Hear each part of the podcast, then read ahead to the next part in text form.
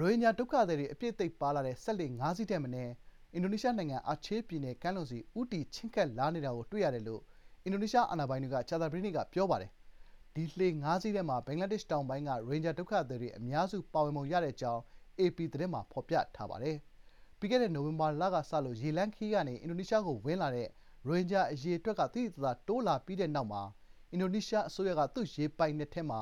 ဒုက္ခသည်လှေတွေရဲ့သွားလာမှုကို ကင်းလှည့်စောင့်ကြည့်တာတွေတိုးမြှင့်လုပ်လာရတဲ့အကြောင်းအာချေးလေတပ်အခြေစိုက်စခန်းကပြောပါတယ်။ဒီလိုလေကြောင်းကင်းလှည့်မှုတွေအတွင်းရိုဟင်ဂျာဒုက္ခသည်တွေလို့ယူဆရတဲ့လှေငါးစီးဟာအာချေးပြည်နယ်မြောက်ပိုင်းကဒေသနေရာငါးခုထဲဝင်ရောက်လာနေတာကိုဗုဒ္ဓဟူးနေ့ကစပြီးတွေ့ခဲ့တာပါ။မလေးရှားနဲ့ထိုင်းနိုင်ငံတွေကရိုဟင်ဂျာဒုက္ခသည်တွေကိုသူတို့ရေပိုင်နက်ထဲကနေပြန်လည်မောင်းထုတ်တဲ့ဖြစ်ရပ်တွေရှိခဲ့တာကြောင့်ဒုက္ခသည်တွေဟာနောက်ပိုင်းမှာသူတို့ကိုလက်ခံတဲ့အင်ဒိုနီးရှားကိုဦးတည်ထွက်ခွာနေကြတာပါ။